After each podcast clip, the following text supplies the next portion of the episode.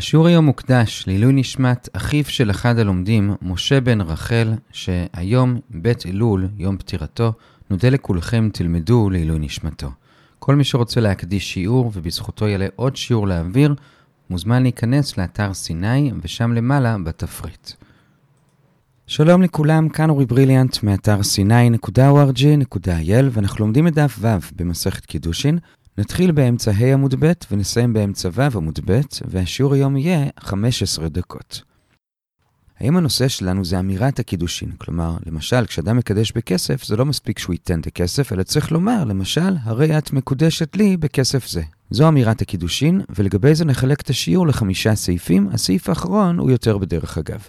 אז הסעיף הראשון זה ברייתא שאומרת שהאיש הוא זה שגם צריך לתת את הכסף וגם לומר. זה ברישא של הברייתא. בסעיף הכתוב שאם האישה נתנה כסף ואמרה, למשל שאמרה הרי אני מקודשת לך בכסף זה, אז זה לא תופס. אז זו הברייתא, שוב, אם האיש נתן ואמר זה תופס, אם האישה נתנה ואמרה זה לא תופס. עכשיו שואל רב פאפא, מה יקרה במצב ביניים שהאיש נתן והאישה אמרה? אז לגבי זה לכאורה יש לנו סתירה בין הרישא לבין הסיפא, כי ברישא כאמור כתוב שאם האיש נתן ואמר, זה תופס. עכשיו, מכאן אפשר לכאורה לדייק, שאם האיש נתן אבל האישה אמרה, אז זה לא תופס. זה מהרישא. לעומת זאת, בסיפא כתוב שאם האישה נתנה ואמרה, אז זה לא תופס. אבל משמע מכאן שאם האיש נתן והאישה רק אמרה, אז זה תופס. אז לכאורה יש סתירה בדיוק מהרישא לסיפא. ולגבי זה, הגמרא מביאה שלוש תשובות, אבל את שתי התשובות הראשונות נשים ביחד. וזה ששתיהן אומרות שבאמת ברור שבמצב הביניים זה לא תופס. עכשיו, איך זה נכנס לברייתא? אז תשובה ראשונה אומרת, פשוט הרישא היא העיקר, משם צריך לדייק שבאמת באמצע זה לא תופס, והסיפא רק נכתבה ככה על הדרך, שאם היא גם אמרה וגם נתנה, זה גם לא תופס. אבל באמת גם באמצע זה לא תופס. זו תשובה ראשונה, אבל הגמרא לא מקבלת את זה, מה זאת אומרת? הסיפא נכתבה סתם. הברייתא כותבת סתם דברים שסותרים את הרישא, אלא תשובה שנייה זה שהסיפא לא נכתבה סתם, אלא סוג של חסור עם מיכסרה. כלומר, בעצם מה שהסיפא רצתה לומר, שבאמצע, אם הוא נתן והיא אמרה, זה לא תופס, כי זה בעצם כמו המקרה של הסיפא, שגם שם כמובן זה לא תופס כשהיא נתנה והיא אמרה, זו התשובה השנייה, ובקיצור, לפי שתי התשובות, זה לא תופס. התשובה השלישית אומרת שבאמת באמצע זה ספק. כלומר, זה שהברייתא הזכירה רק את הרישא והסיפא ולא את האמצע, זה לא בשביל שנדייק לאמצע, אלא פשוט כי היא באמת לא ידעה מה הדין באמצע. לכן כשהוא נתן ואמר זה תופס, כשהיא נתנה ואמרה זה ודאי לא תופס. לגבי האמצע שהוא נתן והיא אמרה, זה נשאר ספק, לכן זה לא הוזכר בברייתא, וממילא צריך לחשוש לכאן ולכאן. ועד כאן הסעיף הראשון, הבעל צריך לתת ולומר, אם האישה נתנה ואמרה, זה ודאי לא תופס. לגבי המקרה האמצעי שהבעל נתן והאישה אמרה, כאן לפי שתי התשובות הראשונות זה לא תופס, לפי התשובה השלישית זה ספק.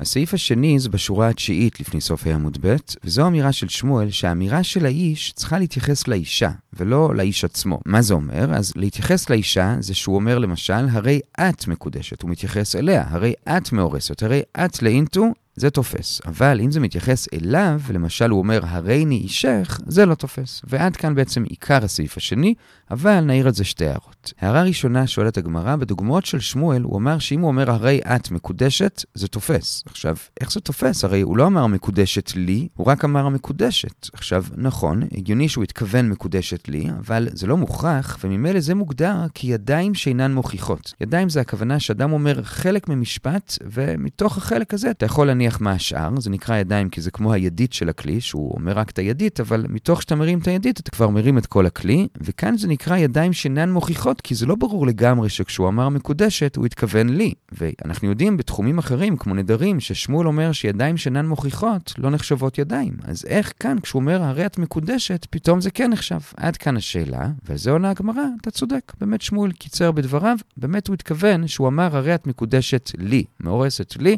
בגלל זה זה תופס, אבל באמת בלי זה, זה לא תופס. ועד כאן הערה ראשונה.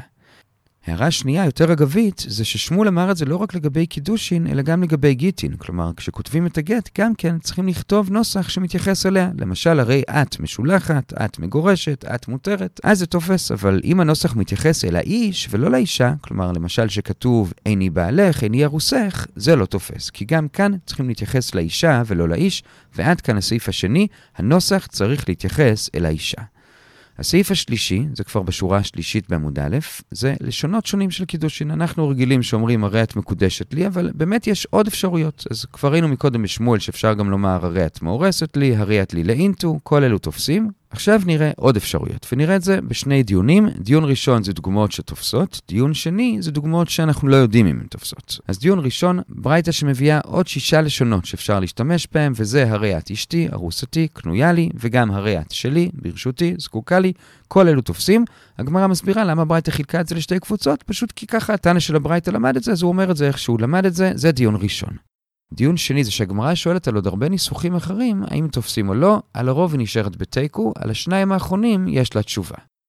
אז הנוסחים שהגמרא מתלבטת לגביהם ונשארת בתיקו, זה הרי את מיוחדת לי, מיועדת לי, עזרתי, נגדתי, עצורתי, צלעתי, סגורתי, תחתיי, תפוסתי, על כל אלו הגמרא נשארת בתיקו. עכשיו, למה לומר שזה תופס? אז תראו ברש"י שהוא מביא פסוקים על כל אחד מהניסוחים האלו. למשל, מיוחדת לי זה מלשון והיו לבשר אחד. מיועדת לי זה מלשון אשר לא יעדה, שכתוב לגבי המה העברייה. עזרתי ונגדתי זה מהפסוק יעשה לו עזר כנגדו, וכן הלאה על כל הניסוחים, אבל כיוון שזה לא הסבר פשוט, אז יכול להיות שהאישה לא מבינה מה רוצה ממנה, ולכן זה נשאר בתיקו. זה לגבי הניסוחים הראשונים.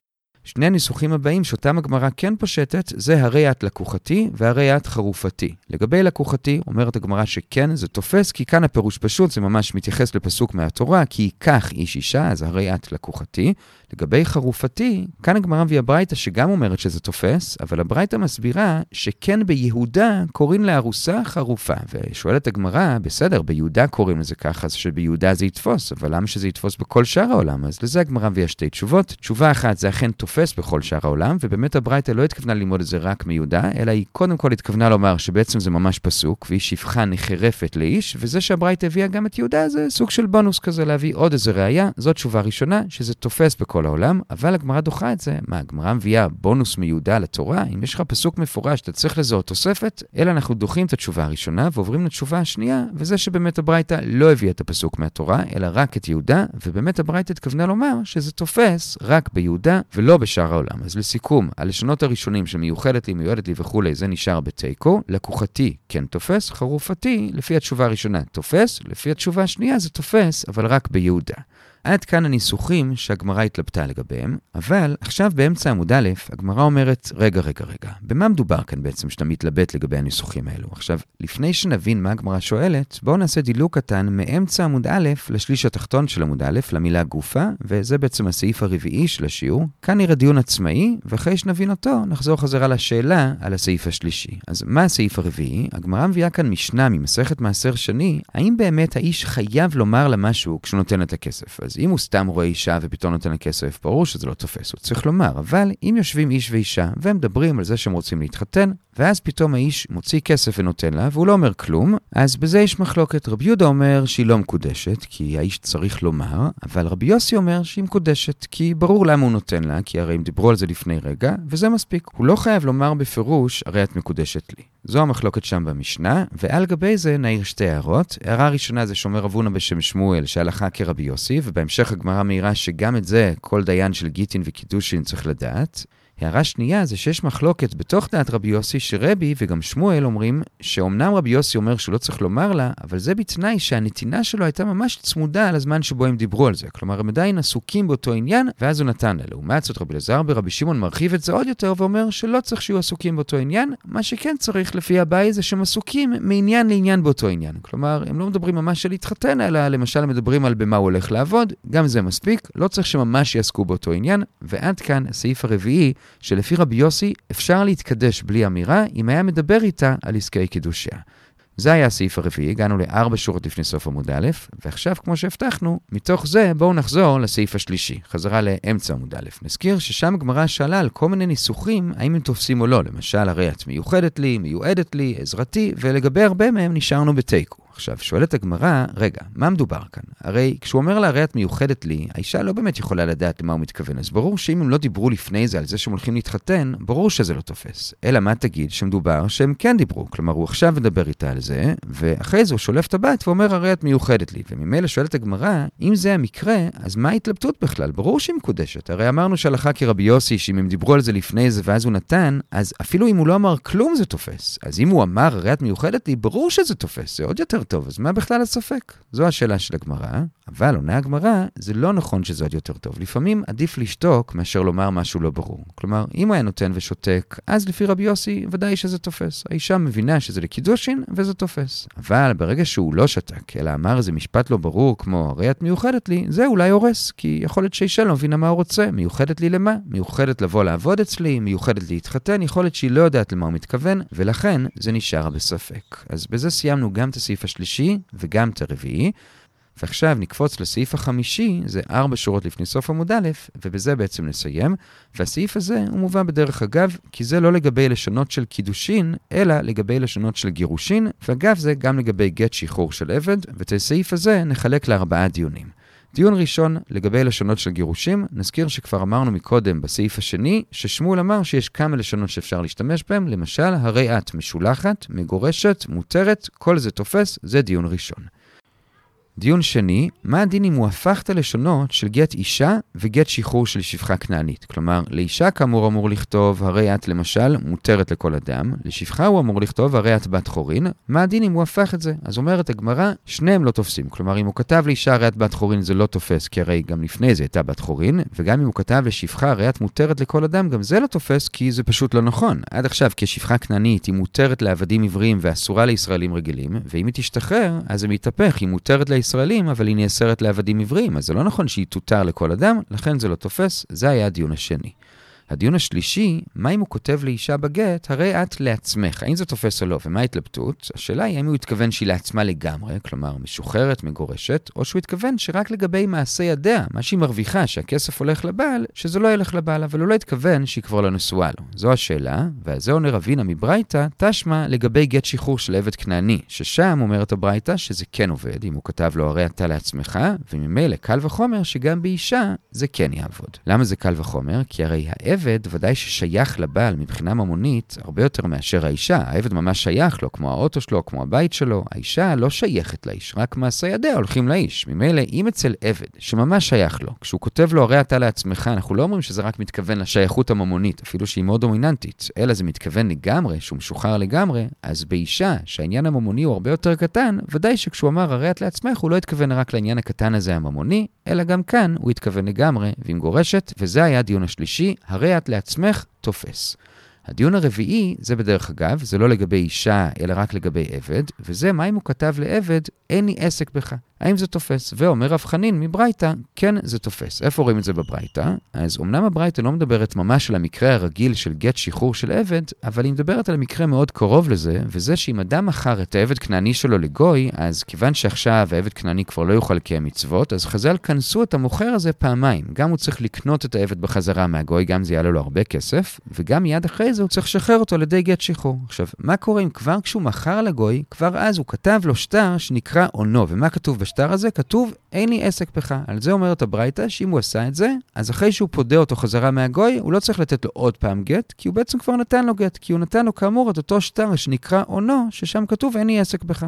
עד כאן מה שכתוב בברייתא, ובכל אופן מה אנחנו רואים? שכשהוא כותב אין לי עסק בך, זה תופס. וזה היה הדיון הרביעי, ועד כאן הסעיף החמישי לגבי לשונות של גירושין. בסופו של דבר הגענו לאמצע עמוד ב', נעצור כאן ונחזור על מה שראינו.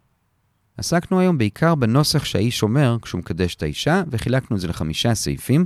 בסעיף הראשון ראינו שהאיש צריך גם לתת את הכסף וגם לומר, אם האישה נתנה ואמרה, זה לא תופס. אם האיש נתן והאישה אמרה, אז לפי התשובות הראשונות זה גם לא תופס. לפי התשובה האחרונה, זה נשאר בספק. זה היה הסעיף הראשון.